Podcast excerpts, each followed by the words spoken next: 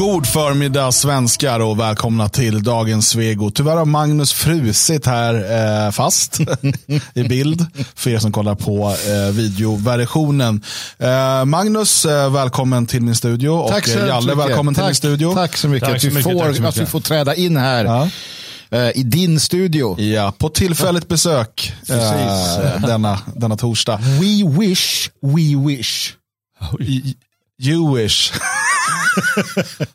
eh, okej. Nej, vi släpper pappaskämten och svarar direkt på en eh, fråga eller påstående i chatten. Eh, den unga boomen skriver, eh, han rättar sig själv också, så att han skriver, undrar när musik utan tonsättning då blir HMF. Och sen säger han, eh, eller utan sång, ska jag inte försöka låta smart när jag inte vet vad jag säger. Nej, det är bra. Eh, det, det han menar då utan text tror jag, alltså utan att någon, någon liksom uttalad. Och det är det redan i Tyskland. Ja, det är det. Det finns en, en gammal visa där som är förbjuden att till och med vissla melodin på. Alpens ros. Alpens ros heter den i Sverige. Eh, sök upp det. Spelar den inte i Tyskland, Nej. för då är det fängelse utan att passera gå. Det var en del, eh, man gjorde en del sådana motståndshandlingar när man gick i Berlin och liksom gick och småvisslade för sig själv. Så kom polizei och då så här, vart man tyst. Böjde sig för staten, insåg att storebror ska älskas. Men eh, det väl bara att säga, ja men jag är, jag är dålig på att vissla, jag visslar lite falskt. Ja, precis. Jag skulle ju vissla en klezmersång, men så vart det ju den där. Vad är det som händer? Men det är inte så lätt. Nej, vad fan. Man, eh, Hörrni, idag eh, så ska vi prata lite svexit. Eh, från kanske då lite oväntat håll kommer kritik mot EU nu och, och sen ska syndaren vakna och så vidare. Eh, vi ska också prata om eh, bidragsparadoxen men kanske framför allt då hur eh, allt fler inser att den här välfärdsstaten som folk håller så kär, den är på utdöende. Eh, eftersom att den inte går att upprätthålla. Eh, det är liksom att byter man ut befolkningen så kan inte systemet vara kvar. det, det är folk som hävdar det. Vi ska se om det kan vara så. Eh, och dessutom så ska vi ha en liten uppföljning på det här som vi pratade mycket om igår. Nämligen Sara Skyttedal, spritfesten, Johan Ingerö och kanske framförallt titta på den mycket, mycket väntade mediedramaturgin efteråt. Alltså där eh, hela feministmedia ställer sig och, och, och försvarar Sara Skyttedal. Man ska aldrig ifrågasätta en kvinna. Men därtill har det ju faktiskt framkommit ytterligare jobbiga saker för honom. Alltså det är också en före detta flickvän då som har sagt att han... Eh, Han har sagt, han har sagt eh, att Han har var kränkt. Ja. Vi ska prata om det. Och han Hon- kring sin fru. Ja, sin, sin exflickvän för fem år sedan eh, så sa han att hon var korkad. Så nu har hon också anmält honom.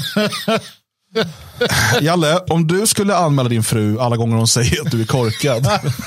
skulle, du, skulle du få göra något annat då? Ja, vi är väl inne i det där som jag sa häromdagen, att eh, man kan inte bötlägga ett helt folk. Det, går ju, det går ju inte att göra så mycket anmälningar. den stora frågan, Jalle, är har du slutat slå din fru? det vill du gärna veta va? Jag jag har aldrig förstått vad som är problemet. Det är bara, det är bara att svara nej på den Nej, frågan. jag, jag vet, jag, man ska vara ärlig. Såklart inte. Nej, för jag har aldrig börjat. Jag har, för, jag har för, Man kan inte sluta med något man inte har börjat med. Jag har hittat svaret på du har frågan. knäckt matrixen. Ja. Men jag tänker att vi kort ska eh, få en inblick eh, så här när det ändå är torsdag och allt. ehm, I psykvården. Eller den misslyckade psykvården. Eh, vi har nämligen ett eh, nytt exempel härifrån United States of America.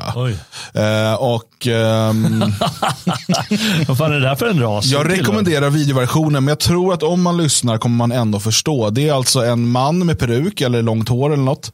Eh, och eh, ja, någon typ av sån här eh, rånarutstyrsel. Jag vet inte. Tydligen, när jag såg det här klippet så insåg jag att i USA har de fortfarande såna här coronamasker i vissa delar. Ja, just det. De har inte De är ju helt sjuka i huvudet, alltså på Ja, men jänkarna är ett jävla... eh, Det är inte, de är som de är. Ja. Nej, det är ju politikerna som vill, de vill ju forma om samhället. De vill göra en socialiststat av det. Jo. Och hon tillhör den, vad nu hon Han. tillhör för ras. Är det en han? Ja, det är säkert. Ja.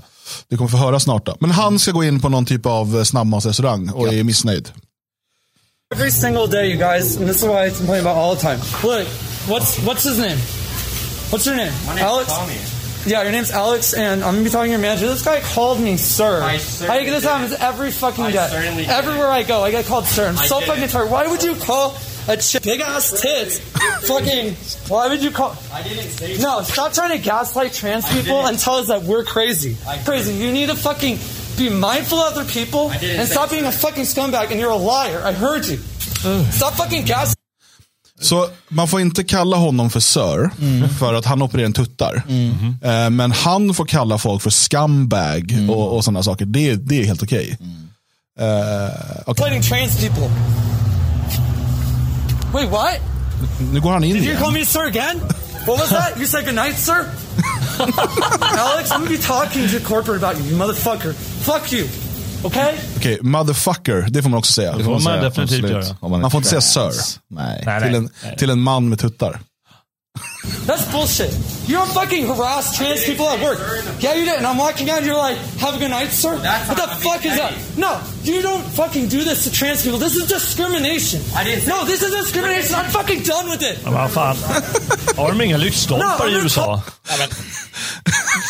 Jag ska säga något som man inte får säga, men alltså, de här människorna behöver få stryk. Det är det som är problemet. Alltså, samhälle, en gång i tiden så var samhället självreglerande i det att om det dök upp idioter som var på det här sättet så fick de stryk eller kastades ut eller de blev liksom satta på plats. Men sen har det ju hänt en sak och det är att makten har ställt sig bakom galenskapen och fått mä- människorna då att, Ja. att det går inte att självreglera för du kan inte bara, du får ju naturligtvis inte bara slå den här människan. Men, men hade det varit för liksom Ja, sådär. Då hade han ju, han hade ju mobbats ut, stötts ut ur samhället eller vad som helst. Och det är det som ska ske. Men saken är att problemet här är att de här människorna kräver att alla andra ska spela. För det är så här, det är inte nog med att liksom, ja men, eh, jag ska väl få liksom operera in tuttar och gå i högklackat om du vill. Ja men gör det. Men kräv inte att jag ska like, spela med i din liksom, lek. Nej. Nej, men det är där Magnus kommer in. Att eh, staten, den nya sjuka, onda, stora Big Bauta CP-skadade mongoloida staten styrd av fullständiga kretiner. De tar deras parti och kräver att de bakom Ja. disken där inte säger sir utan, och, säger, och kräver också att den här personen ska få säga asshole och motherfucker och allt vad det är. Det är där det stora problemet är. Att vi har fått, vi har fått jag vet inte, vad, vad kallar man dem? Eh, Förrädare eller bedragare eller någonting som sitter i styrelsen och sen kör med. Vi såg det i det här eh, som vi också kom in på, vad heter hon, Sara Skyttendal. När alla tar hennes parti utan att blinka. Och en gång i tiden hade vi en lösning på detta. För då sjöng vi förrädare som motarbetar oss. De ska vi genast plocka bort. De ska... Ja, det, var, eh, det var den gamla goda tiden. Eh, Men det, alltså, det var trans Och, och, och hans uh, Tutteleffes eh, liksom, reaktion här är att Alex ska få sparken. Ja, Jag ska prata med din chef, du ska få sparken för att du sa good night sir. Ja, precis. För att det var trevligt. Ja. trans. Hey, you know, it's one of the stupid things when you're catching Karens. I didn't even say nothing. You called me sir, and you're talking shit, calling me sir on way. This is transphobic harassment. Oh, you're a fucking bigot oh at work. All right, Alex, you know what? I, I can't wait to just. He admits twice calling me sir. No, he lied about the first one. No, you called me sir twice. Twice. Alltså, ja, vi behöver inte kolla på hela sen, men, men alltså det är ju, återigen, det är ju det, det, det, det sjuka som har hänt här. ehm, dels kan vi prata om liksom den här sociala trycket som gör att det skapas många av de här människorna. Eh, men just att de förutsätter att alla ska spela med i deras förestä- vanföreställningar. Eller föreställningar, vad det nu är för någonting.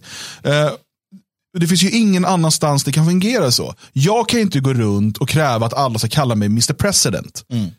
Och bli arg på dem när, de, när liksom någon inte, eller, när någon, eller bli arg för att någon inte tilltalar mig med tredje person så som man gör med kungen. Jag vill ju hela tiden att de ska fråga mig, vad tycker kungen om det här? De får inte dua mig, eller ens nia mig. Nej. Nej, för jag är kungen! Jag identifierar mig som kungen. Men, men, men det skulle man tycka, att du är sjuk i huvudet, du är inte kungen. Nej, men om jag sätter en krona på huvudet då? Ah, kolla, jag är kungen! det, det är ju lika dumt. Men du kan Eller göra nästan, det. är nästan lika dumt. Om du har våldspotential nog. Om du har ett system som backar upp dig som de backar upp de här. Då kan vi få alla att säga att du är kung. För då kommer folk göra det. Få- Ärligt talat, om du tog fram en pistol och satt mot pannan på dem och sa säg att jag är kung. Då kommer de säga att du är kung. Det är där vi har det. de har ju statens De har statens våld i ryggen och får dem att säga det. Och, och det är därför eh, de, de här kriminella elementen, och, och då menar jag även små, små snorungsgangstrar som tvingar eh, pojkar och så att eh, tilltala en på det här sättet. De är i liga med varandra. Mm. De sitter i samma båt och försöker styra och de gillar det varandra gör. Det ska man aldrig glömma. Att statsmakten de representerar, representerar främst den här personen och de representerar i logikens namn även sådana här snorungar. Mm. Men det var ju det vi sa när vi började prata om det här för tio år sedan, i alla fall om jag minns i, i liksom hur vi i, i vårt program pratade om det. Att, eh, för att det var inte lika stort då och så vidare. Och folk sa, "Ja, men måste man hålla på och prata om det? här?" Vi sa att det som kommer hända är att de här människorna kommer få reell makt i samhället över dina barn. Sa vi ju så här, men prata inte om det där, det är bara liksom galningar. Nu har de reell makt över dina barn, de har över utbildningsväsendet. I USA pågår det där hela tiden och så vidare. Och de har då systemet i ryggen. Nu är det ju de som någonstans sätter agendan. Och jag menar, om, vi, om vi tyckte det var läskigt när liksom NKVD hade makt i Sovjetunionen, då ska vi nog fråga oss vad som händer när de här människorna nu får mer och mer makt i våra olika um, i samhället. Ja. Det blir inte kul. Ja. Svårigheten är givetvis att ja, men det här en- alla skulle säga att det är bara en knäppgök. eh, vad är det där? Men precis som du säger, för tio år sedan då sa man det och vad har vi nu? Och om tio år sedan då kommer den där dåren eh, ha full makt. Ja, men du ser ju vad som händer. De andra backar undan. Ja, de de, står, undan. de står liksom, kroppsspråken är så här, de tittar ner. De, de säger förvisso emot lite grann och blir så här, åh vad jobbigt så här. men det är ingen som går fram och bara, du, var ut härifrån, din, ta tag i dem, du Ja, vet, bara precis. stopp. Ja. För att då kommer polisen. Då kommer polisen och då får de sparken och det liksom blir hela rabaldret. Ja. det är ett helvete. Precis, de vet ju att eh, det är sånt här du förlorar jobbet för. Det här kan, du kan få hela ditt liv förstört för att du blir uthängd liksom, i sociala medier. De här människorna har ju dessutom byggt upp stora alltså deras företrädare, stora följarskaror i sociala medier, kan agera pöbelvälde, eh, vilket får oss med att tänka på återigen den här Skyttedal-historien nu. Precis, precis. Eh, och, och liksom, på det sättet har man ju avskaffat den, den rättsstat som vi en gång hade. För du, det, att, att bli juridiskt dömd är liksom nästan irrelevant när du kan bli socialt dömd Ja, ja, utav liksom en pöbel eh, som, som gör att du inte kan få arbeten du kan inte, och så vidare. Nej, men det, det finns en, jag såg, det var inte för så länge sedan som jag tittade eh, på den här eh, Solsidan igen och där fanns det ju ett avsnitt som går ut på just att de ställer till det för sig. Rikisarna när de skriver fel på Instagram och sådär. Och det kan ju få enorma konsekvenser, kanske inte så mycket för en annan som bor här och är som man är, eller vanligt folk liksom ute. Men för, har du liksom ett jobb som är och det roliga är att det, det, idag är det nästan värre om du är så här uh, genderhatare än om du kommer ut som SD-are. Alltså, de har förflyttat det så pass att, eh, ja, nej fy fan. Eh, Okej, eh, låt oss eh, lämna den misslyckade psykvården för den här gången och gå över till den misslyckade välfärdsstaten. Ehm, nej, men man har ju lite problem i Sverige när man har byggt ett system för och av en svensk och germansk befolkning och sen börjar byta ut befolkningen. Och så blir det något helt annat. Ja. Vem kunde eh, gissa? Eh, och eh, I fokus skriver man då eh, under bidragsparadoxen, jobben finns men ingen tar dem. Eh, så skriver man så här, runt 1,3 miljoner arbetsföra svenskar kan inte försörja sig själva. Samtidigt skriker arbetsgivare efter personal. Hur kan det komma sig? Och Då kan vi ju liksom grotta ner oss i att de kallar det för svenskar, men vi förstår vad de menar. Absolut, absolut. Eh, och Det blir också tydligt sen i, i artikeln. Eh, nu verkar jag inte vara inloggad här, så att om du Magnus berättar lite vad som står i artikeln. Jo, men man, man pratar ju om det här då att eh, just det här att 1,3 miljoner individer då inte kan försörja sig själva. Så det, det är ju en väldigt hög eh, andel som lever då på, eh, på välfärdspengar, det vill säga bidrag eller andra former av insatser. Då. Eh, och samtidigt menar man att men det finns ju då arbeten, så kallade enkla arbeten. Eh, om man pratar med Liber Assistans som är en av de större privata arbetsgivarna i det här fallet i Dalarna som söker med ljus och lykta efter människor. Um, och, och det här är någonting som jag har hört från andra som jobbar inom framförallt välfärdssamhället, vilket är kul också. Intressant nog att det här slår också i första rummet mot välfärdssamhället eller mot välfärdsjobben. Det vill säga vård, omsorg och liknande. Det är där det blir som jobbas. Uh, och vad man landar i är att Eh, det, det, det, det naturligtvis är så för många människor, så som systemen ser ut idag. Att du, det lönar sig att gå på bidrag och sen då jobba svart. Med ännu enklare jobb om man så vill. Alltså bära, inte vet jag, bära cementsäckar eller någonting på några byggen eller vad det nu kan finnas för alternativ. Ja, lite svart jobb på sidan Svart om. över sidan. Och du tjänar betydligt mycket mera. Då kan du alltså hamna i, i ganska höga sådana här, om du tittar på, alltså du börjar ju hamna i liksom med, eh, medelklassens eh, lönenivåer. Ehm, och, och då blir det ju naturligtvis så att man inte ehm, och det är det klassiska då som händer, eh, speciellt med den importerade befolkningen också, även om det finns en, en andel svenskar i det här också såklart. Men, Men, det äh, finns allt. Det man skriver om här då från Libre Assistans till exempel, då, för då pratar vi ju eh, personliga assistenter och så. Eh, och då skriver man svårigheten är två. Först och främst språket. För även om det saknas formella utbildningskrav så måste en assistent kunna uttrycka sig begripligt åtminstone på talad svenska samt förstå instruktioner.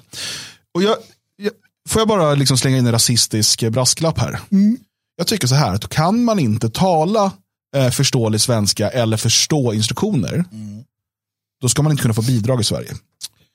Ah, du tänker så. Jag bara tycker att det kan vara en grundläggande, eh, med eh, eh, liksom såklart en, en typ av eh, klausul där att är du blindstöv, dum och sådär, så är det klart, då förstår vi att du inte kan tala svenska och så.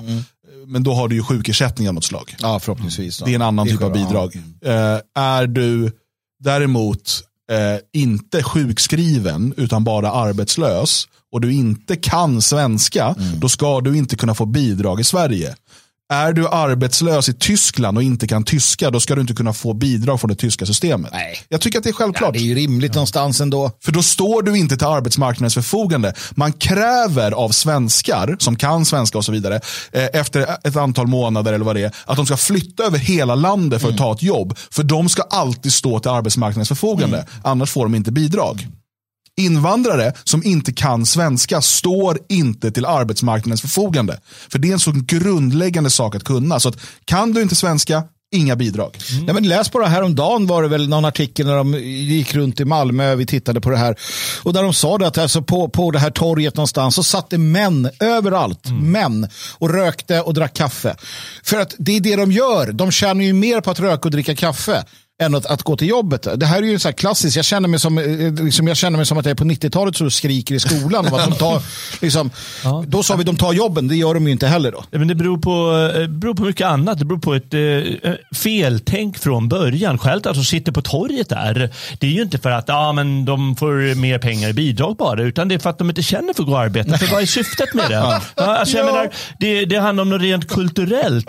Och eh, i den här artikeln så är det någon som säger, i Sverige har den förhärskande uppfattningen varit att om vi bara ger människor mer trygghet i form av, i form av höga bidrag, lindrigare straff eller permanent uppehållstillstånd istället för tillfälliga så kommer människor självmant att vilja bidra till samhället. Om vi bortser från hela invandrarspektrat här, eh, att eh, i form av höga bidrag, då kommer de vilja bidra till samhället. Tyvärr har den hållningen visat sig inte fungera. Det där stämmer inte. Vet ni varför? Därför att människor är inte, drivs inte av enbart ekonomiska incitament, utan de drivs av något annat. De drivs av plikten gentemot gemenskapen, den naturliga tillhörigheten. Kallar det ras, kallar det kultur, kallar du liksom bara någon form av bygemenskap, kallar vad fan du vill. Det är inte de här tekniska frågorna att eh, ja, men du kommer få mycket bidrag om du blir arbetslös. Därför vill ju du ge mycket bidrag, eller hur? Det är inte så folk tänker och fungerar. Och då drar det ett snäpp högre då med invandringsformen.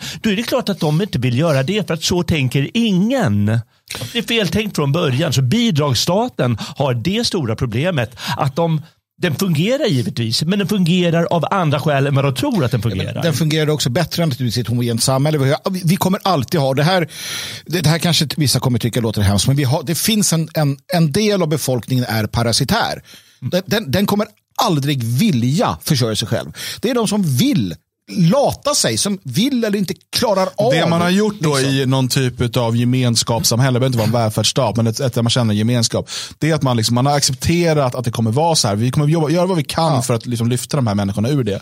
Men vi kommer heller inte acceptera att de här människorna som vi har någon typ av gemenskap med, a- att de liksom hamnar i rännstenen. Utan vi ser till att de kan leva på existensminimum och så vidare. Och det, det är liksom ett mänskligt normalt samhälle. Men det här förstörs ju utav den här massiva invandringen av människor som, där vi inte känner någon gemenskap med dem, de känner ingen gemenskap med oss. Eh, och vi kommer från så vitt skilda liksom, bakgrunder och kulturer och sätt att se på det här. Vi har pratat om klan kontra stat tidigare och så vidare. Vissa av de här kommer från kulturer som inte ens har gått igenom en industrialisering. Alltså de förstår inte alls, vadå gå och jobba åtta timmar om dagen, varför då? Jag, liksom, jag är van, jag går ut och liksom klappar geten varje dag och Ja. liksom går och hämtar vatten. Ja. Det, är, det är jobb. Och så överlever vi. Ja. Eh, Men, så de, det, är- det, är en he, det, är, det är liksom som att stoppa in aliens i, i liksom en mänsklig civilisation. Det, det är så här, varför gör ni så här? Så här gör ju inte vi hemma på vår planet. De bor i hyddor. Jo, Vissa. men, men, men, och, och, det, det är ju, och det där är ju saker som, även om det är sånt som, som färgar av sig på kulturen, som i sin tur färgar av sig på hur man ser på arbete, på, på solidaritet på, och så vidare. Det, det är självklart att det är så.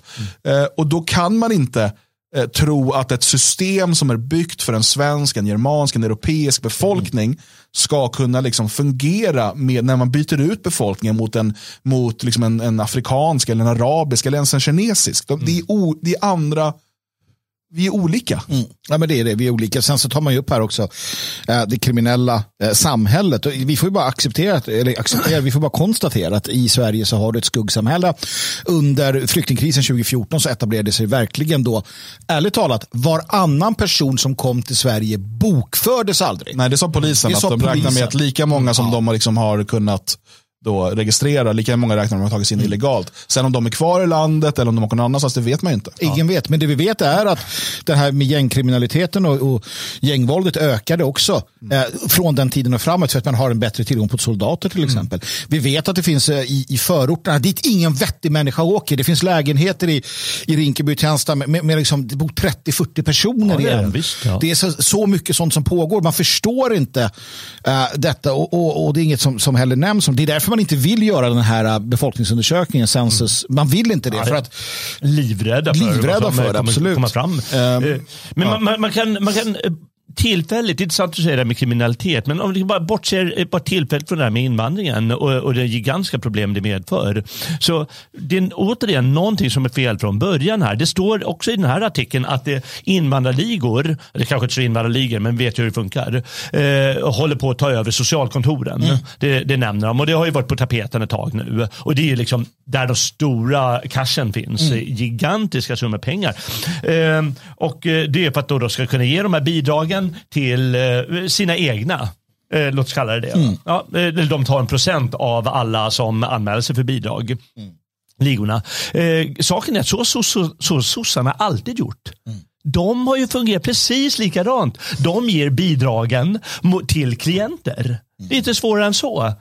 Eh, Så liksom det är någonting som är fel i grunden här. Sen har det bara att eh, alla har fått syn på de gigantiska problem som uppstår nu när det blir eh, helt självklart att det inte funkar. Nämligen när det kommer hit en massa människor från hela världen som ja, inte kan fungera på vår arbetsmarknad. Så eh, Systemet är, är, ruttet i grunden och nu är det helt självklart hur det står till.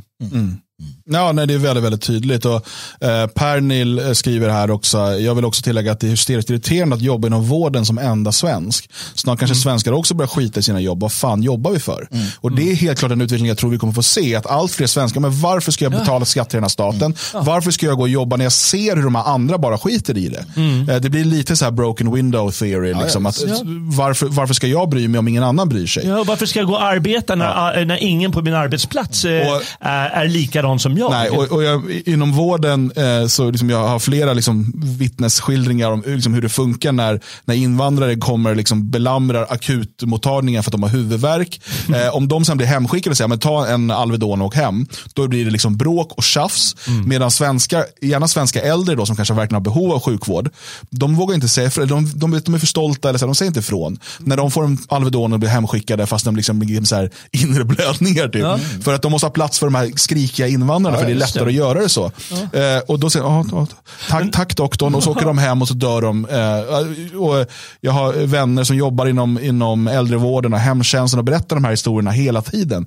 Det är så jäkla vidrigt och, och liksom hur hela det här välfärdssystemet har bara blivit eh, liksom en, en, en, en spene, var vi inne på tidigare. Det, som spenen. vissa delar av de som bor i Sverige bara ligger och suger på. Mm. Medan de andra bara blir utmärgade. För att vi har inte den här armbågar i fram, eh, muta och pruta kulturen. Eh, och liksom hota med din klan. Utan Jaha, nej men tack, tack överheten nu, då, då, då går jag väl hem då och lägger modör.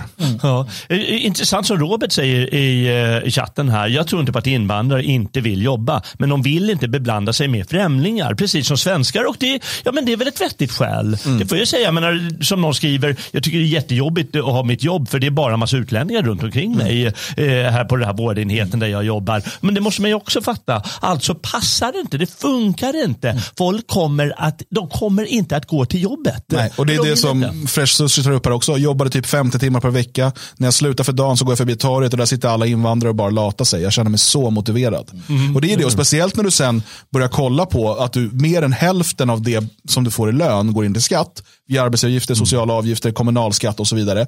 Plus att du har sen moms på allt du köper och så vidare. Men bara att hälften av tiden du är där så jobbar du eh, liksom, så att de ska kunna sitta och liksom, röka vattenpipa på torget. Och, och det är klart att, att vem blir motiverad av det i längden? För det är en sak att känna så här, ja men vi har sjuka, vi har gamla, eh, vi har liksom människor som, som inte klarar av att jobba och det kommer vara några procent och vi, ja, men jag, jag är beredd att chippa in lite av min lön så att de inte ska svälta. Ja men självklart. Men när du ser och att det är medvetet, för att de här människorna då som, som inte kan ta jobben för att de inte kan svenska, varför sätts de inte på tvångssvensklärning då? då? Ja. Alltså det, det är ju bara, för att, jag, menar, jag tycker inte de här människorna ska vara kvar i Sverige överhuvudtaget såklart, men jag försöker bara se det från systemets håll. Om det här ska liksom på något sätt, då måste ju de här människorna tvingas ut på arbetsmarknaden. Men Istället så har ju då det blivit ett system som fanns till för att ingen skulle falla mellan stolarna. Har nu blivit, alltså det är människor, de är bidragsentreprenörer. Ja, visst, och, och, och det som väntar här nu, man tar upp det lite grann här i artikeln också, att eh, det blir mer repression, övervakning och så, sådär. Men, men låt oss det skita i det. Jag tänker på, det var en jordbävning i Turkiet här nyligen. Husen rasade som, som furor i en storm eller vad man ska säga. Beror mycket på att, att det är mycket, det är inte så reglerat. Eh, man mutar sig till och så är det ganska dålig kvalitet på grund av orsaker. Jag tänker på Indien och Afrika där vi återigen och om och om igen hör om hur man köper in eh, bröstmjölksersättning som är gift. För att någon har mutat någon någonstans. Alltså hela vår idé om att det vi kan äta och handla i affären det är tryggt och säkert och fint. Glöm det. Alltså, vi kommer, exakt samma sak kommer hända för att de stora matimportörerna, alltså hela den här, den här rutt, ruttenheten sprids mer och mer och mer. Du kommer inte kunna lita på den mat du köper. Du kommer inte kunna lita på att leksakerna är liksom giftfria eller vad du vill. Eh, utan vi kommer bli så, uh, vi kommer bli förgiftade och vi kommer liksom bli sjuka och allting av det som händer just nu med den här typen av ut, utveckling, om vi ska kalla det för det. Det är, också, det är värt att komma ihåg. Men professor i nationalekonomi, Magnus Henriksson, han säger så här. Ja. En ung människa kan med bidraget i botten få en enorm lönsamhet i att arbeta svart i skuggsamhället. Lägg dina svarta intjänade pengar på det du får i bidrag och du har samma inkomst som en utbildad civilingenjör eller gymnasielärare som dessutom ofta har uppemot en halv miljon i studieskulder. Vad skulle motivera den personen att då hamna, liksom, att ha en vit anställning som personlig assistent och, och, och tjäna liksom under medianlönen? Det finns ju bara ett skäl till att man gör det och det är att man är en myra i myrstacken. När du är en myra i myrstacken då känner du automatiskt att du bidrar till helheten. Ja.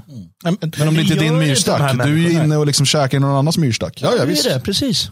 Det, det, det är precis vad det är. Utan det är som, som, och det, det är därför vi då återkommer till det här med, uh, jag menar, som du är inne på plikten tidigare, då, att, du, att du känner det för att du är, upp, du är uppväxt, det, är ditt folk, det är ditt eget samhälle, du, du känner igen dig, du förstår det uh, och, och du känner det. Du är inte alltid nöjd med det och det kan vara skit och du kan ibland försöka fiffla med bidragen då också. Självklart. Du kanske liksom kivar lite och sådär, men, men nej, eh, det är inte den det här är ju satt i system på ett annat sätt. Du kan inte, du kan inte ha det så här. Det är bara så. Så vart är vi på väg? Eh, Henriksson fortsätter här.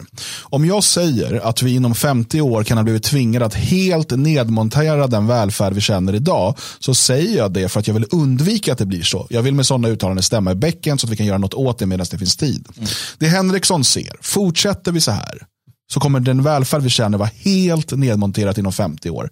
Det här ligger helt i linje med det som det fria Sverige har som grundanalys, varför vi behöver göra som vi gör, varför vi behöver flytta närmare varandra, varför behöver vi bygga parallella samhällsstrukturer, eh, parallella liksom, socialsystem, parallell arbetsförmedling, parallella skolor. Allt det här måste växa fram medan det fortfarande kan. Och det, det är det vi, vi arbetar för. Eftersom att det som många svenskar har tagit för givet kommer försvinna. Och det kommer försvinna allra först från den svenska landsbygden. För man kommer behöva hålla de här förorterna, invandrarförorterna i lugn och schack. eh, För att inte få eh, liksom, husbupploppen. Det är inte i första hand svenskarna i Elgarås som kommer liksom, ställa till kravaller och bränna bilar. Nej. Så där kan man dra undan och det har man redan gjort. Väldigt mycket av liksom, den, den statliga och kommunala servicen och, och, och välfärden liksom, plockas bort. Eh, och vi tittar, återigen om vi tittar inom, inom sjukvård, äldrevård, hemtjänst och så vidare, hur man liksom pressar mer och mer eh, personalen till liksom absurda arbetstider, osäkra arbetsförhållanden. Eh, de ska hinna med fler patienter på kortare tid. Eh, allt för att spara pengar så att man kan lägga pengar på invandringen. För det är det man gör Ja, i slutändan. det är liksom, sen kan det heta olika projekt och sådär, men det är det pengarna går till. Till det här misslyckade mångkulturella samhället. Och det här kommer bara, det är som en ond spiral. Så att om man inte gör någonting åt det, jag vet inte exakt vad Henrikssons förklaring är, bara det ska löna sig att arbeta. Jag tror inte Ja, att det, det- räcker. det-. Ehm, men det han ser att inom 50 år Mm. Så kommer välfärden vara helt nedmonterad. Och jag håller med honom, det är så det kommer vara. Åtminstone för de skötsamma svenskarna. Och jag ska tillägga att Hen Magnus Henriksson själv, han bidrar givetvis dagligen till att det sker. Han röstar på de partier som, eh, som vill fortsätta. Han, eh, han pratar på ett sätt, antagligen med sina vänner, eh, på ett sätt som säger ja men vi måste ha det här kvar och så vidare. Han gör antagligen helt fel. Det är min gissning, jag kan ha fel, men det är min gissning. Det är ju det att också, för att det finns ju fortfarande en, en naivitet inom oppositionen i det. Att man, man håller fast vid att jo, men det här kommer gå att ändra med, med val. Det här och så vidare. Problemet är att när de här människorna nu erkänner det, då har det redan gått för långt. Och det är där vi är. När Ivar Arp börjar prata om liksom de här frågorna som vi pratade om för 20 år sedan, då har det redan passerat point of no return. I och med att han tar upp det här så, så, så vill jag säga till dig som lyssnar och tittar, det här har redan hänt. Det är bara det att det inte har slagit igenom. Alltså, svensk välfärd kommer att vara borta helt borta om 50 år. Um, om 10 år ännu värre än vad det är nu. Alltså det, går, det kommer inte gå att förändra detta. Det betyder inte att vi inte ska arbeta för förändring, för det ska man alltid göra. Men det betyder att du måste förstå vad du ska göra gentemot ditt, din grupp som du, så att säga. Uh, alltså de fria Nej, svenskarna. men det, det är samma sak egentligen med massinvandringen. När nationalister på 80 och 90-talet sa att det här måste stoppas nu, för annars kommer vi få de här invandrargettona, vi kommer få klansamhället, vi kommer få alltså allt det här som vi nu ser hända. Eh, och det var för att då måste invandringen stoppas nu, liksom 88, när, när liksom BSS eh, och Sverigedemokraterna grundas. Där. Det måste stoppas nu, annars får vi den här utvecklingen om 40 år. Ehm, och, och, och det var för att redan då såg man att där vi är nu, redan, alltså BSS och, och Sverigedemokraterna redan då pratade om återvandring på 80-talet. Ja. För att det var nödvändigt, för annars kommer vi få den här utvecklingen. Ja. Eh, och, nu, jag menar, och nu ska man sitta och jubla då över att vi har ett parti eh, som Sverigedemokraterna som äntligen har nått 20 procent. Eh, som alltså talar om stoppad tillfälligt stoppad invandring och frivillig återvandring. Då, då. Eh, liksom lösningar som inte ens var tillräckliga 1988 om vi inte hade velat ha de här problemen. Och för att redan på 80-talet var det tydligt för den som ville se vad det här skulle leda till. Ja, ja, visst. Precis som att va, det här att var välfärdsstaten är på väg, det har också varit tydligt sedan 80-90-talet. Eh, för den som har velat se. Så att, att tro att man ska komma med några så här små justeringar i systemet för att rädda det här nu, det är så naivt att man blir liksom tokig. Utan, eh, vi- så, som jag ser det, så är liksom den här staten och vad den gör, eh, det måste vi såklart ha koll på, vi ska kommentera det och så vidare. Men vårt fokus, när vi slutar med det, måste vara på att bygga vårt alternativ. Ja, ja, visst. Eh, och därför måste vi satsa våra resurser, vår tid och så vidare på att bygga upp de här parallella strukturerna. Och det är så mycket viktigare än att liksom plöja ner eh, massa miljoner i liksom flygblad och annat som ska försöka övertyga moderater om att bli Sverigedemokrater. eller att försöka liksom rösta på vårt parti och så vidare. Eh, vilket liksom, det är slöseri med tid, det är slöseri med resurser. Utan vi har fortfarande ett ganska liksom, gynnsamt läge att bygga. Ja, ja, visst. Alltså, att bygga de här strukturerna, det kommer vara mycket, mycket svårare om 50 år. Det, det, jag drog till minnes en skrift jag hade hemma som heter Generationsfaran av Herman Lundborg skriven typ 30. Han tar ju upp samma saker. Han tar ju upp det här sluttande planet. Och, hur, hur, och så tittar han på en, bo, en svensk bondesläkts historia ut, ur rashygienisk synvinkel i en annan text. Han tittar på hur, hur det här kommer bara ske. Och, eh, om man säger liksom på 80-talet, ja, men också innan det. Mm. Du, du, hade ju, um, du hade ju den här kvinnan som stod uh, i, i, Sveriges riksdag och liksom förklarade uh, de här problemen som började hända då, var det 60-tal kanske, och så vidare. Så att, nej, uh, det är ju en så här sakta, en sakta promenad mot någon form av liksom bara borttvining. Och det är det också som är så sorgligt. Det är det här att man vill någonstans tro att det kommer liksom att det kommer sluta med en smäll, att det kommer bli det här avgörande episka slaget. Mm. Men precis mm. som i dikten um, så, så slutar det bara med liksom en suck. suck ja. Det är så här, och sen så bara... Men som Dan är inne på naturligtvis, de som ser detta, de som, de som ser detta och inser detta har ju enorma möjligheter att skapa någonting vackert och, och, och stort och mäktigt. Något episkt av egen kraft. Um, absolut. Mm. Ja, den döende välfärdsstaten. Eh, egentligen inga nyheter, men det uppmärksammas eh, nu från eh, lite annat håll. Och Snart ska vi prata om också att liksom, frågan om Swexit mm. börjar uppmärksammas från lite annat håll. Men innan vi gör det Eh, så vill jag att vi, vi går en liten kort uppdatering kring gårdagens stora ämne som vi pratade om, alltså Sara Skyttedal eh, och hennes polisanmälan då mot eh, Johan Ingerö. Mm. Mm. Eh, vi kan bara kort först kolla på en sammanfattning som Fria Tider har skrivit om upptakten till det här. Eh, och det, igår när vi pratade om det här, då visste vi ju inte exakt vad nej, som hade nej, hänt. Nej. Eh, det vet vi inte heller just nu, men vi, vi, vi gissade på några saker. Mm. Och vi verkade ha väldigt rätt. Dels då att det skulle rört sig om hennes eh, cannabisuttalande. Ja. Eh, och där hon tog den här drogliberala inställningen som inte ligger i linje med partiets Nej, eh, linje. Och dels att det skulle handla om en hand på ett lår. Mm. Det nämnde jag uttryckligen. Ja. Mm. Och det var exakt vad det handlade om enligt, henne, enligt hennes anmälan. Ja. En hand på ett, ett lår. lår. Eh, för snart nio år sedan på en efterfest. Mm. Hej då en karriär. Eh, och det, det finns lite olika information om, men det som verkar vara upptakten till den nuvarande konflikten mellan Skyttedal och Ingerö är alltså att um, när Skyttedal ville gå ut i 30 minuter och berätta om sitt självmedicinerande och sin drogliberala inställning så var partiet emot det. Mm. Eh, och Johan Ingerö var en av de mest uttalade kritikerna och ville mm. stoppa henne från det här. Mm. Du ska inte delta i, i 30 minuter och, och, du kan inte prata för partiet på det här sättet. I samband med detta någonstans så kommer också de här provvalen eh, där man då eh, har eh, inför Europaparlamentsvalet och hur listorna ska se mm. ut och så. Och då hamnar Sara Skyttedal på en väldigt, alltså en, längre, en position längre ner än hon har gjort tidigare. Mm. Vilket med största sannolikhet betyder att hon förlorar sin plats i Europaparlamentet. Mm. Um, eftersom KD får bara en, max två platser där. Precis. Och just nu sitter hon i Europaparlamentet, plockar ut en sådär 100 000 i månaden i lön och lever liksom sitt, eh, sitt thug life med cannabis och Precis. festar där nere. Fan, och det här håller man på att ta ifrån henne. Ja. Och en av anledningarna är ju hennes då drogliberala inställning. Man vill mm. inte, förmodligen då från partiets sida tänker man att vi kan inte ha kvar henne, hon, hon håller inte partilinjen. Så då måste vi ha någon, sätta någon annan i Bryssel. Mm. Eh, och det här blir en konflikt mellan Johan Ingerö och Sara Skyttedal. Eh, och då väljer Skyttedal att gå och göra en polisanmälan mot Johan Ingerö för sexuell mm. övergrepp, vad man nu kallar det för. Eh, för att han då eh, på en fest för snart nio år sedan ska ha lagt en hand på hennes lår. Mm. Eh, det, det, är liksom där, ehm, där vi är.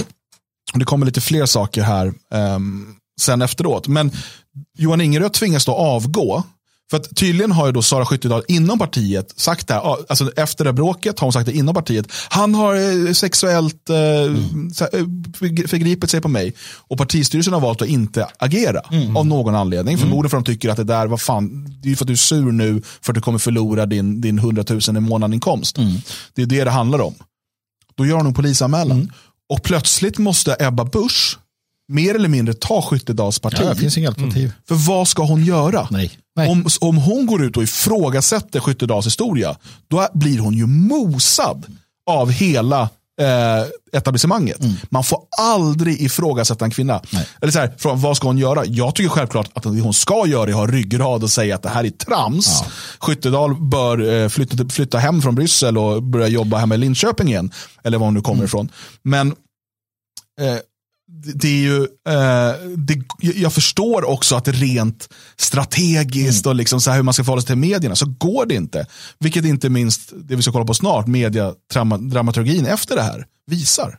Nej, men det, det är tydligt, vi pratade om det igår och jag vill bara, alltså, det, det sorgliga i det här är att eh, om du är politiker, ägnar dig åt politik eller liksom något viktigt arbete, så var aldrig ensam med en kvinna. Ja, aldrig, eller så här, om du aldrig. driver politiskt parti, låt inte kvinnor vara med. Låt inte kvinnor vara med, ta inte in dem i Alltså, för styrelserna. att det här är risken du står inför. Alltså, det är livsfarligt. Ja, och, och det, här, det kan ju finnas, alltså, det kan ju gälla Alltså, liksom det här att, att eh, alltså, i, i privata relationer och allting, alltså det är livsfarligt.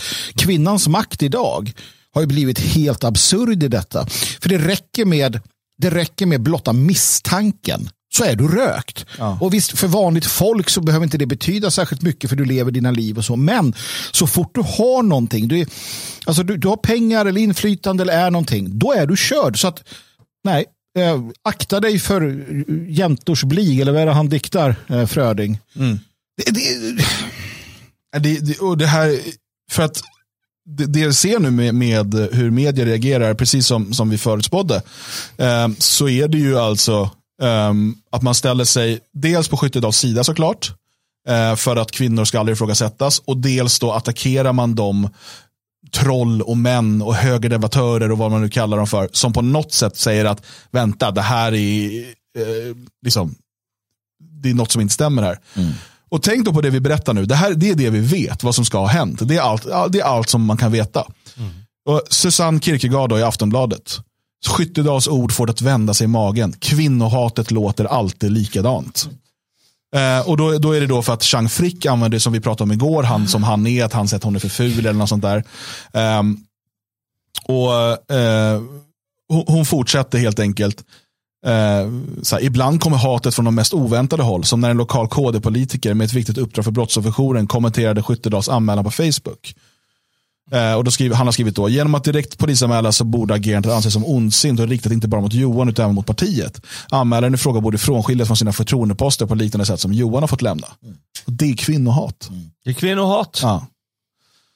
Eh, och, och det här är, jag menar, det är inte bara Kierkegaard som kör det här. Vi kan ta till exempel då från eh, Dagens Nyheter där eh, eh, fröken Sokolnicki skriver en kvinna måste fortfarande passa in i bilden av ett offer för att bli tagen på allvar.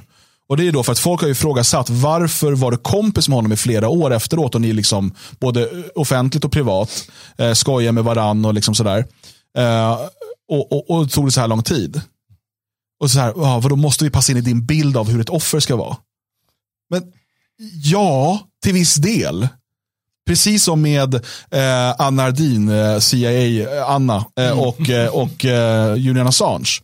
Om du påstår att du blivit våldtagen av Julian Assange och sen fortsätter träffa honom, alltså det ska hända en kväll, sen fortsätter träffa honom, fortsätter ligga med honom. När du får veta att han också har varit med en annan kvinna, då går du och anmäler honom för våldtäkt.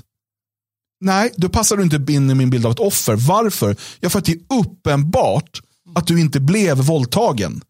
Då hade du inte fortsatt träffa honom, fortsatt ligga med honom, fortsatt skicka gulliga sms och berätta hur mycket du tycker om honom och så vidare. Och att det är först när du får veta att han också har en annan kvinna, du plötsligt har blivit våldtagen. Nej, då passar det inte in. Och samma sak här. Det är först när du riskerar att förlora din eh, plats i Europaparlamentet och din höga lön som du kommer på att du för nio år sedan fick en hand på låret. Mm jävla Ja. trams alltså. Ja, man, man blir det. Och jag måste säga, väldigt besviken på eh, denna fega partiledare de har i KD.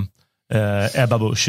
Hon kunde faktiskt, om hon varit riktigt professionell, jag såg en intervju med henne eh, i Expressen och jäklar vad hon slingrar sig och kom med massa vändningar om att eh, ja, men han passar inte kompetensen nu Ingare och bla bla bla allt det där snicksnacket. Hon kunde från början ha sagt ja men det här har varit uppe i eh, partirådet eller vad de har, styrelsen eller vad, vad de nu har. Och vi, vi har redan eh, tagit itu med det, så det är överstökat. Mm. Hon kunde ha sagt det. Och då hade vi sluppit hela den här, jag menar Sara Skyttedal, jag kan tänka mig att hon skäms ju livet av sig nu. Mm. Jag tror att hon känner, åh jävlar, nu satte jag igång, och, nu klantar jag mig rejält. Mm. Eh, och, eh, för, för, och KD själva, de sitter ju i skiten nu. Mm. Eh, Det är så oprofessionellt och det är så pinsamt. Och det säger allt, att hela den här metoo-svängen, den mördar professionalitet. Mm. Och det är det som är dess syfte. Jo men absolut. Ja, och det är som man bara konstaterar. Så länge vi har en, en så länge vi har någon form av eh, ett godkännande av att eh, man inte får ifrågasätta en kvinna som säger sig ha blivit utsatt. Ja. Så, och det är ju det, det, är det man säger i de här ledartexterna och liknande. Eh, Då, då är det livsfarligt. Och eh, sådana som så här Lindberg och de här, de kommer ju själva råka ut för det här. Arsen Cantwell fick ju ta lite... Ja men kolla, det var ju några av de här vänstermännen som, och fina feministerna. Soran Ismail, du hade Ocean Cantwell, du hade eh, det var ett gäng sådana där ju, som, som åkte under metoo. Ja. Eh, just också inte för att det fanns några hårda bevis utan för att ett, eh, en eller flera kvinnor gick ut och sa att eh, ja, men, eh, han låg med mig och sen kände jag mig utnyttjad och sådär. Liksom. Ja, precis. Ja. Jag trodde han skulle ringa sen. Ja, när du kan liksom förlora... Han sa att jag var speciell. Ja, när du kan förlora karriär och utkomst eh, på, på att inte ringa upp och få att hon blir försmådd, då har vi allvarliga problem. Nej, Onekligen. den makten Men eh, uppenbarligen då, eh, om man får tro ETC här, så är ju Ingerö ett riktigt svin. Ja, verkligen. Ja, ja, Eh, ja. för det har kommit, på det har kommit in en, kommit in en, en, ännu en eh, anmälan från ännu en kodekvinna. Och det, det intressanta med det här, det här verkar inte ha blivit en stor grej i övrig media. Det är mest ETC som är Ja, på det här. ja. Det här handlar alltså om hans ex-flickvän och tidigare då partikollega, eller om hon fortfarande är kvar i partiet vet jag inte. Han kallade mig för kränkande ord, att jag var korkad. När han blev arg slog han på dörrar och väggar. Och då har hon alltså, nu har hon alltså polisanmält honom för, sex, eller för, för någonting, jag vet inte.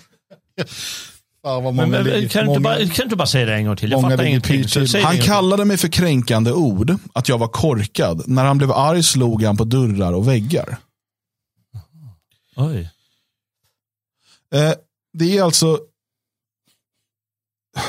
Och så här, så här, även anmälaren har varit aktiv inom KD och har haft en relation med Inge- Ingerö.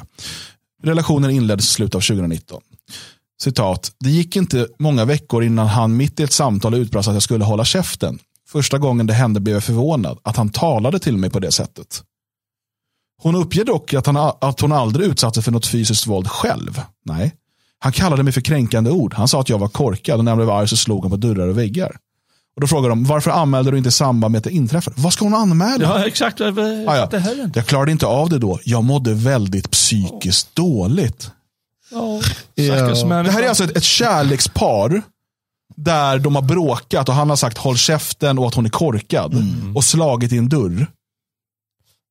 Och då, nu så passar de på att gå, hon är förmodligen kompis med Skyttedal då eller någonting också. De är alla partikamrater. Och nu går hon och polisanmäler honom och ETC gör, alltså, he, ja. Jag, jag, Alltså jag, jag, jag menar alla som har varit i ett förhållande som har tagit slut. Kanske till och med alla som har varit i ett förhållande överhuvudtaget. Har nog varit med om att det kan sägas en hel del saker när, man, när folk är arga på jag varandra. blir sådär jättearg, du vet, det kan hända. Ja, men, alltså, jag, jag har liksom, fan, jag, det finns ex-flickvänner jag skulle kunna anmäla för misshandel. De är ju tokiga ibland kärringarna ju. Men vad fan, vad är det här? Vad, vad är det för infantil jävla värld vi lever i? Går man till polisen och berättar, han sa att jag var korkad. Du vet, det är som dagisbarn som springer till fröken. Så här är det. Det, här är, det här är medvetet uttänkt på något sätt. Det enda vi män har att sätta emot kvinnornas enorma, hatten av, förmåga att manipulera och att, att liksom använda känslomässiga attacker, det är liksom det är näven, det är att bli arg, det är att burra upp sig, det är att liksom det. Det är det enda vi har. Och det gör vi När inte du- längre. Nej, när vi tar Nej. bort det, Ja. då är vi körda. Vi är kastrerade och kvinnorna kommer lämna oss för andra. De kommer pissa på oss, de kommer vara så här, ni töntar. När de tämjer tigen så är tigen inget att ha, så enkelt är det. Vi blir tämjda och vi blir ointressanta. Sa- På samma sätt som att en kvinnas enda chans mot en våldtäktsman är en pistol som hon kan skjuta honom med. Så är vår enda möjlighet att kunna upprätthålla någon form av förhållande, någon form av relation inom ramen för den naturliga världen. Att vi kan ställa oss upp, att vi kan höja rösten. För vi har ingen chans mot deras manipulation. Och, och det här är natur. Jag är inte arg på er tjejer för att ni är såna. Det är rätt, det är så. Ni är såna av naturen. Det är så maktbalansen upprätthålls i en parrelation. Manipulation å ena sidan och mannens våldspotential alternativt eh, liksom förmåga att kunna liksom skrämmas om du så vill.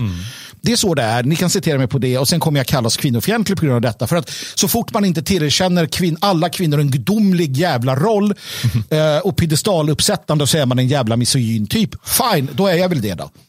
Men, men det är ju det, den obalansen i relationerna. Och rätta mig om jag har fel kvinnor i chatten. Ja eller nej, har jag rätt eller har jag fel? Ja, Men, och, det, det, ja, och, och, och då är det nu, då ska hon, då ska alltså, vill hon dra det till domstol. Att han har, har sagt att hon är korkad. Och det är, liksom, det är där vi är nu. Svenska domstolar som, eh, jag menar hur mycket ska det kosta skattebetalarna på att de här redan liksom, skatteparasitära politikerna ska reda ut något jävla relationstjafs. Eller att då möjligtvis den här Johan på en efterfest har lagt handen på Saras lår. Det, det, är, det, det är så jävla... Och så sitter media och så här, åh, hon är offer, hon är ett offer. Ja, precis. Och leker med. Hon, bara, hon, hon har inte vågat anmäla innan, sedan dess. Och jag, jag bara tänker vi ska kolla på ett, ett exempel på som är så himla underligt. För Jag vet inte om det här ens är sant, att det här har skett, det här med ens handen på låret.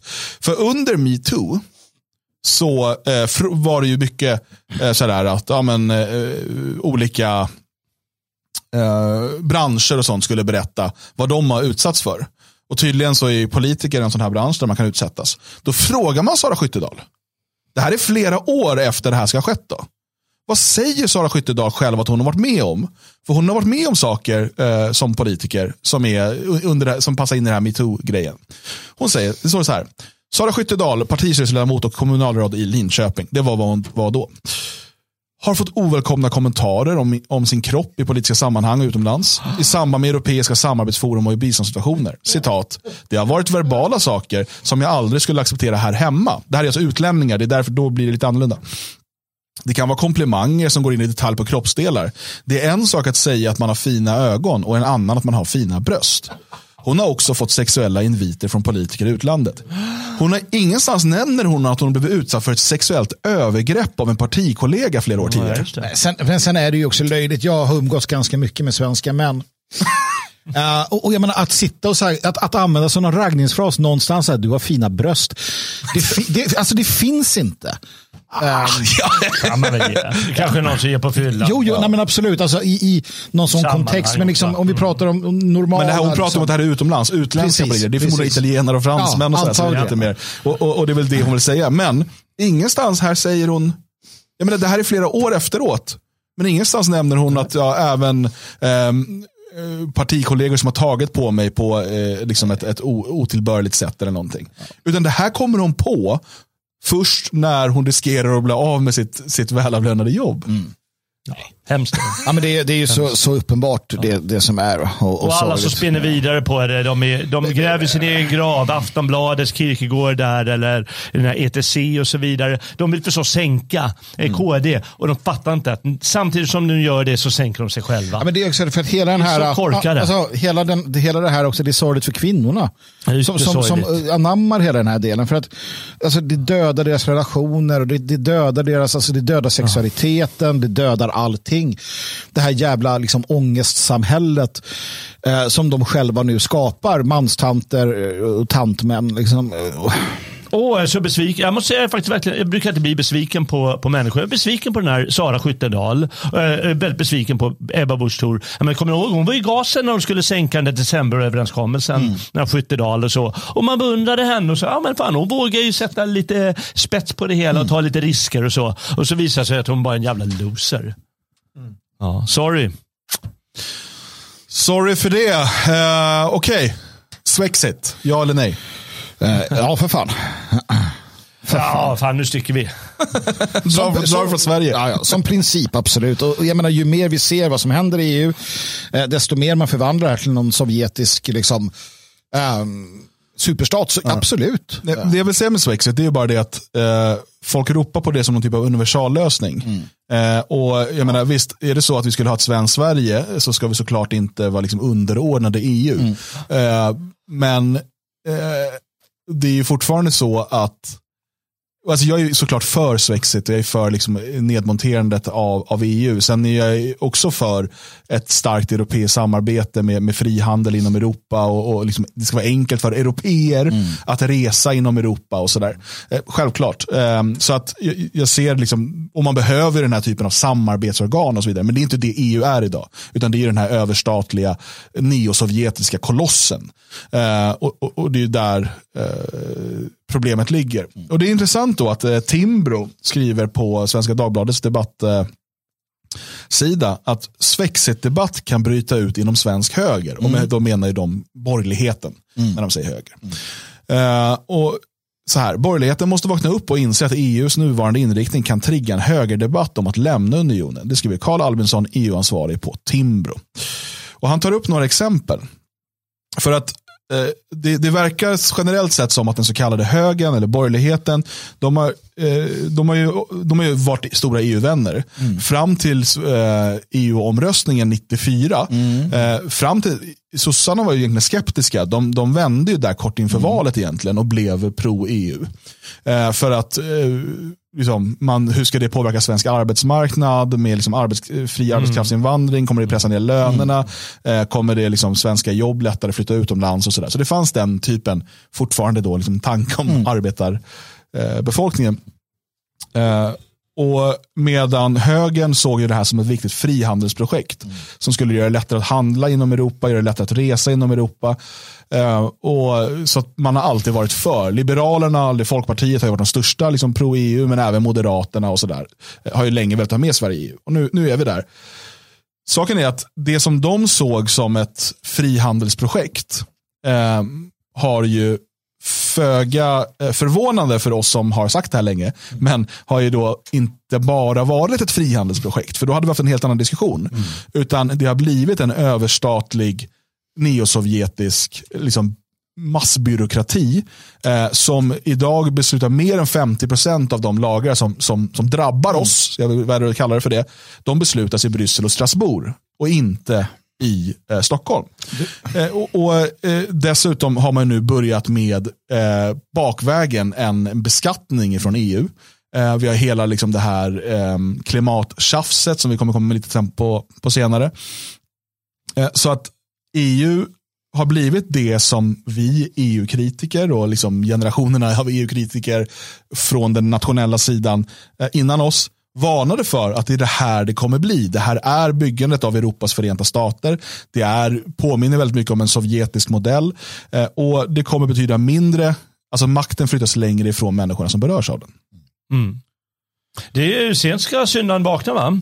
Och eh, det sorgliga i sammanhanget det är att han koncentrerar sig bara på den ekonomiska biten. Han skriver till och med här att eh, eh, men det sammanlagda resultatet är att ekonomierna i Europa tar skada samtidigt som besluten flyttas längre bort från medborgarna. Att han glömmer att, den politi- att det politiska incitamentet är, är ja, det struntar han i. Utan det är bara ekonomiska som intresserar honom. Okej, han är nyliberal, visst, men man måste ju fatta ändå någonting hur samhällen fungerar. Det hade ju alltså, om du tittar initialt då, kol och stålunion och allt vad det nu hette en gång i tiden. Och själva det, det fanns egentligen två krafter som ville ha ett, E- ett, ett förenat Europa. Det, det ena var ju kanske de som utifrån ekonomiska och industrier och sånt där då som och, och militären, försvaret. Man såg att efter andra världskriget och så, så ville man liksom se till så att det skulle bli svårare för olika länder att hamna i luven på varandra, Tyskland och Frankrike och sådär.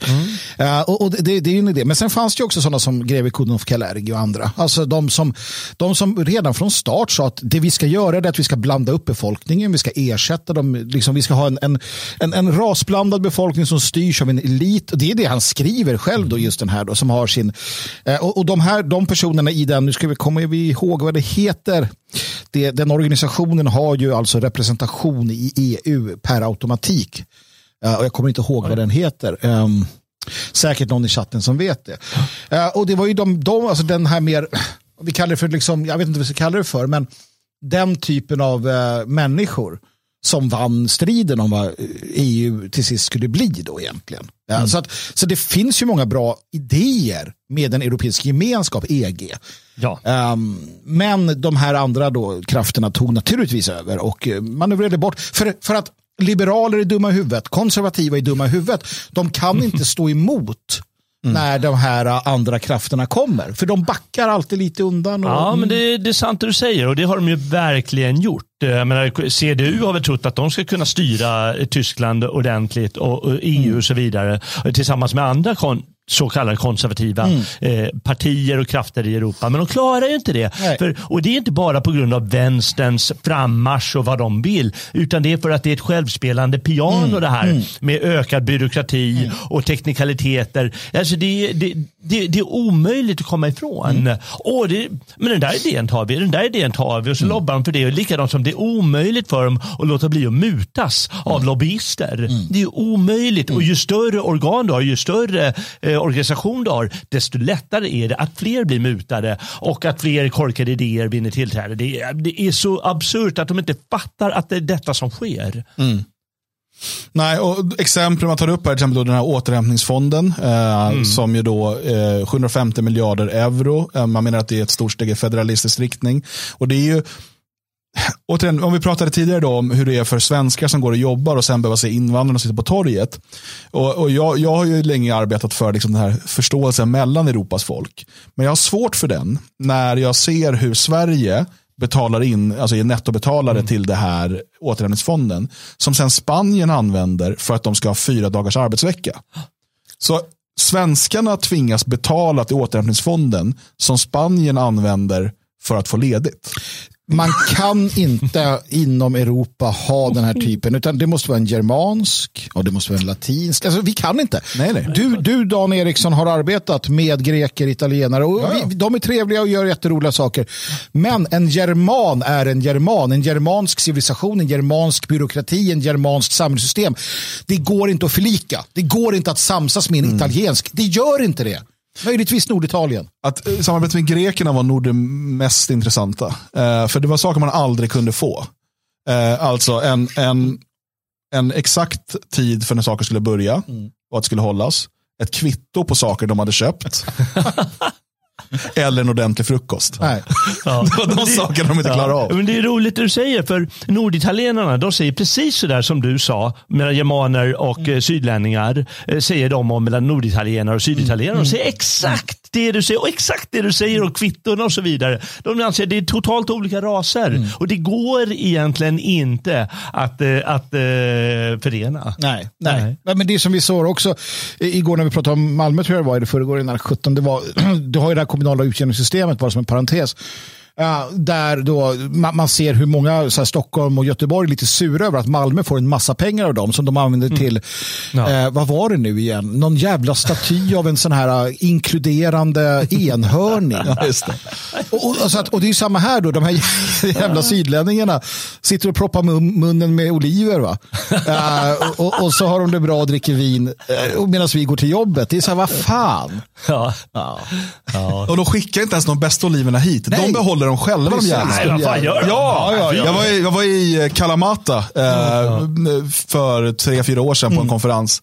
Och då, jävlar vad goda de var. Sa fan, så här, inte ens Kalamata-oliverna är så här goda hemma i Sverige. Här, no, no, no. Vad lurar We save the best here. Du ser, vad fan. Ja. det är för jäkligt. Vi ska stå upp för vår rätt till de bästa oliverna. vad ska vi göra? Eh, nej men, och det är intressant för att det blir den här Swexit, eh, att man bara nämner Swexit från Timbro är ju väldigt intressant. Eh, och jag tänker att vi, när vi ändå då pratar om EU och den här överstatligheten, bör nämna det här som man då klubbade igenom i Europaparlamentet häromdagen. Eh, Och som, som vi, vi har nämnt i förbifarten tidigare. Och det är alltså beslutet om eh, att eh, fastigheter ska tvångsrenoveras för att uppnå klimatmålen. Och Det här rör då alltså ungefär 35 miljoner fastigheter i Europa. Ja. Undrar om Skanska och Peab har lobbat för den här lagen. Ja, byggföretagen kan ju vara glada såklart, men eh, hur ska det här finansieras då? Ja. Ja, eh, det, det har det diskuterats en del om, men om du äger fastigheten så är det ditt ansvar att följa upp till EU-reglerna. Och det här handlar om allt ifrån då stora hyresvärdar, eh, jag vet inte, Akelius eller eh, HSB eller vad det nu är, eh, bostadsrättsföreningar såklart, eh, till enskilda individer som äger en, en villa. Och den ska då nå upp till en viss energiklass eh, och sådär enligt EU-standard. Och Det kan betyda eh, ganska stora ingrepp och renoveringar, alltså i eh, utbyte av liksom fönster och tak och isoleringar. Man kan behöva bygga om väldigt, väldigt mycket. Eh, allt ifrån kanske någon, något hundratusen upp till flera miljoner för att anpassa en villa för att nå de här kraven beroende på när, vad den är för standard just nu. Ehm, och eh, det här kommer då man tvingas finansiera själv, som det ser ut just nu. Eh, med lån då förmodligen. Och nekas du lånet, då måste du sälja din fastighet. Dan, det kommer komma fördelaktiga Statliga statliga eller andra lån där, de, där bankerna är snälla och säger att Nej, men det är klart att du får låna extra för att fixa det här till en, en hyfsat bra ränta som ändå sådär överkomlig. Det brukar de lösa på det sättet nämligen. Det har varit så tidigare. Eh, för min egen del, eh, kan du det här med sånt så hör av dig till mig om du vill jobba eh, gratis på mitt hus. För mitt hus behöver definitivt. Ja, vi får se. Det, kommer liksom, det är så underligt också, för det kommer typ inte gälla alla hus. Alltså det, är så här, det är jävla underligt. Och det här ska ju då ske här de kommande tio åren ungefär. Eh, till 2030. Eh, de ska bli eh, minst klass E till 2030 och klass D till 2033. Vad det nu exakt innebär. Eh, men det här är ju, du tror att du äger ditt hem. Plötsligt kan EU komma och säga nej, du ska renovera huset för att anpassa det efter vår idé om något, att det blir varmt. Det blir för varmt ute annars. om du inte byter fönster, då kommer det bli för varmt ute. Man, man, man, men man får inte glömma det här. Att, vad, vad det handlar om. Det, det står ju, han, han skriver den här Timbro-nissen att eh, ja, vad väl, det verkade vara vällovliga initiativ. oj, oj, oj. Kalla det klimatet eller kalla det sammanhållning, kol och stålunion eller vad du vill, brödraskap. Eh, men det visar sig ofta att det är något annat. Det handlar om politisk makt. Och i det här fallet handlar det också om no, någonting mycket annat. Det handlar givetvis om att, att, att binda alla meningar, eh, med, eh, medborgare, precis som man gjorde med coronafonden. Jaha, då är plötsligt alla länder skuldsatta och kan inte dra sig ur samarbetet. Och nu går det ännu längre in, alltså du kommer på husnivå. Och där alla tvingas buga för politiken. Och det är så det fungerar säger jag än en gång. Och det är så det är målet. Det här är givetvis konstgjord andning inom EU också. Att eh, ja, men då måste lån tas, då måste bankerna hållas igång och så vidare. Kör vi igång apparaten på nytt med hjälpmedel samtidigt som det hela tiden blir mer och mer centrerat. Det här är ju jävligt Fruktansvärt obehagligt. Det, här är, för att Obehagligt. det är obehagligt för att, för att vi ser någonting komma tillbaka och det är den här grinande dödskallen från Sovjet. Det vill säga att äh, alltså man, man ställer de här det, alltså du, stä- alltså det, EU säger nu till då för att jag, så här, jag såg igår i någon artikel i tidningen, då, då konstaterar man så att ja, alltså svensk åkermark bidrar till den globala uppvärmningen. Åkermark dåligt, eh, det ska vara våtmark. Vi dikade ur för hundra år sedan för att kunna äta. Nu dö, tar den död på oss. Så därför måste vi sluta ha åkermark. Bönder är fienden, kulakerna. Självägande är fienden. Människor som bor i hus är fienden. Människor ska bo i poddar i städer. Alltså, ser ni vart, vart det här vrider sig? Alltså de det slår emot är de som har mest frihet. Det är det man hatar från EU, det är det man hatar från de här människorna. Och moderater och andra som då ska vara någon form av, inte fan vet jag, borgerliga konservativa frihetsmarknad hit och dit. De går ju i det här, de, alltså, går ju som på ett jävla pärlband in i, i en klassisk sovjetisk förtryckarapparat. Bönderna är svin för att de, eh, har, de, de hindrar våtmarken. Du som bor i huset svin för din, din eh, så vidare. Och de kommer vända svenskar mot oss andra. Det kommer bli så igen. Och, och vi kommer, liksom, det, det, det kommer ske och det är på gång åt det hållet. Och, Du ser ju redan nu den stora liksom, uppdelningen på hur folk röstar stad kontra land. Alltså det är ju i städerna, eh, de, de här människorna eh, som, som bor då i, i eh, små lägenheter, oftast eh, i liksom, urban miljö, som röstar grönt. De röstar på Miljöpartiet, så ser det ut i hela Europa. Ehm, och medans på landsbygden, de ofta mer självägande människorna, de som har ett helt annat, en helt annan livsstil, röstar eh, på ett helt annat sätt. Idag röstar de i Sverige många på Sverigedemokraterna. Tidigare har de kanske röstat på då Bondeförbundet eller, eller Centerpartiet och så. Eh, de röstar absolut inte på Miljöpartiet. Nej. Nej, det gör de verkligen inte. Och eh, det är bara att se, det har ju varit på tapeten senaste veckan med, med de belgiska bönderna den här gången. För ett halvår sedan, eller för några månader sedan, då var det de holländska bönderna. Och nu är, fokuserar man på de eh, belgiska bönderna som gör uppror mot eh, en förtryckande statsmakt som i sin tur kommer från den här gröna omställningen som också nämns i den här artikeln i Timbro. Eh, eller vad kallar det? Grön kommandoekonomi, tjena tjena. Eh, med hur man ska försvåra för, för bönder att vara självständiga. De, de upprepar precis vad som hände i Sovjetunionen. Absolut. Det är inte svårare än så. och vem kommer vara skyldig? När femårsplanen inte fungerar, när svälten kommer? Jo, det är bönderna. Ja, det är- det. Och då kommer folk i städerna, så jävla dumma som de är, säga att vi måste skjuta bönderna. Måste skjuta För att politrukerna liksom säger det. Um, och, och, och det är på riktigt ditåt vi är på väg. Jag vet inte när de första liksom, nödåren kommer. Men när de kommer, ja, då kommer man ge sig på bönderna. Och angående Brexit och Swexit så vill jag påminna också, för det är en känsfull vad han skriver när Carl Albinsson i Timbro här i ett berömt EU-tal påpekade Margaret Thatcher att hon, hade, hon inte hade kämpat för att rulla tillbaka statens gränser på hemmaplan bara för att se dem återinrättade via en europeisk super superstat som utövar dominans från Bryssel. Och det är ju precis det som händer och det det, det vi varnade för redan på eh, i början av 80-talet sa Margaret Thatcher det. Alltså det jag förstår inte att det Nej, och inte nu så sitter. Timbro där och och är ändå så här, ja, vi har varit lite naiva. Vem kunde ha vetat?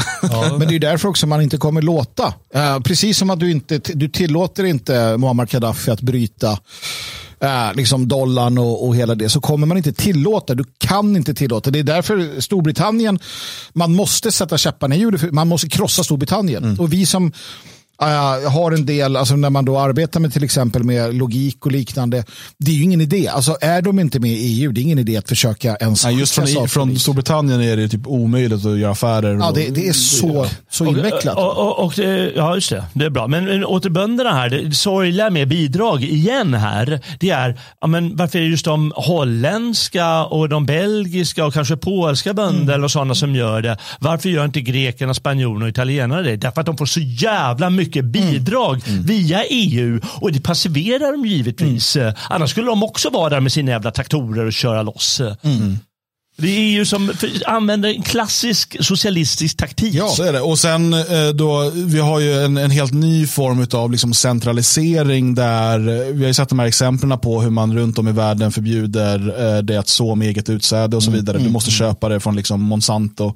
Eh, och, och eh, det där det, liksom, det går ju i samma spår allt det där. Och du ska göra det omöjligt att vara månskensbonde och kanske vara självförsörjande. Alltså bara för dig själv. Kanske någon granne kan vara med och liksom sådär.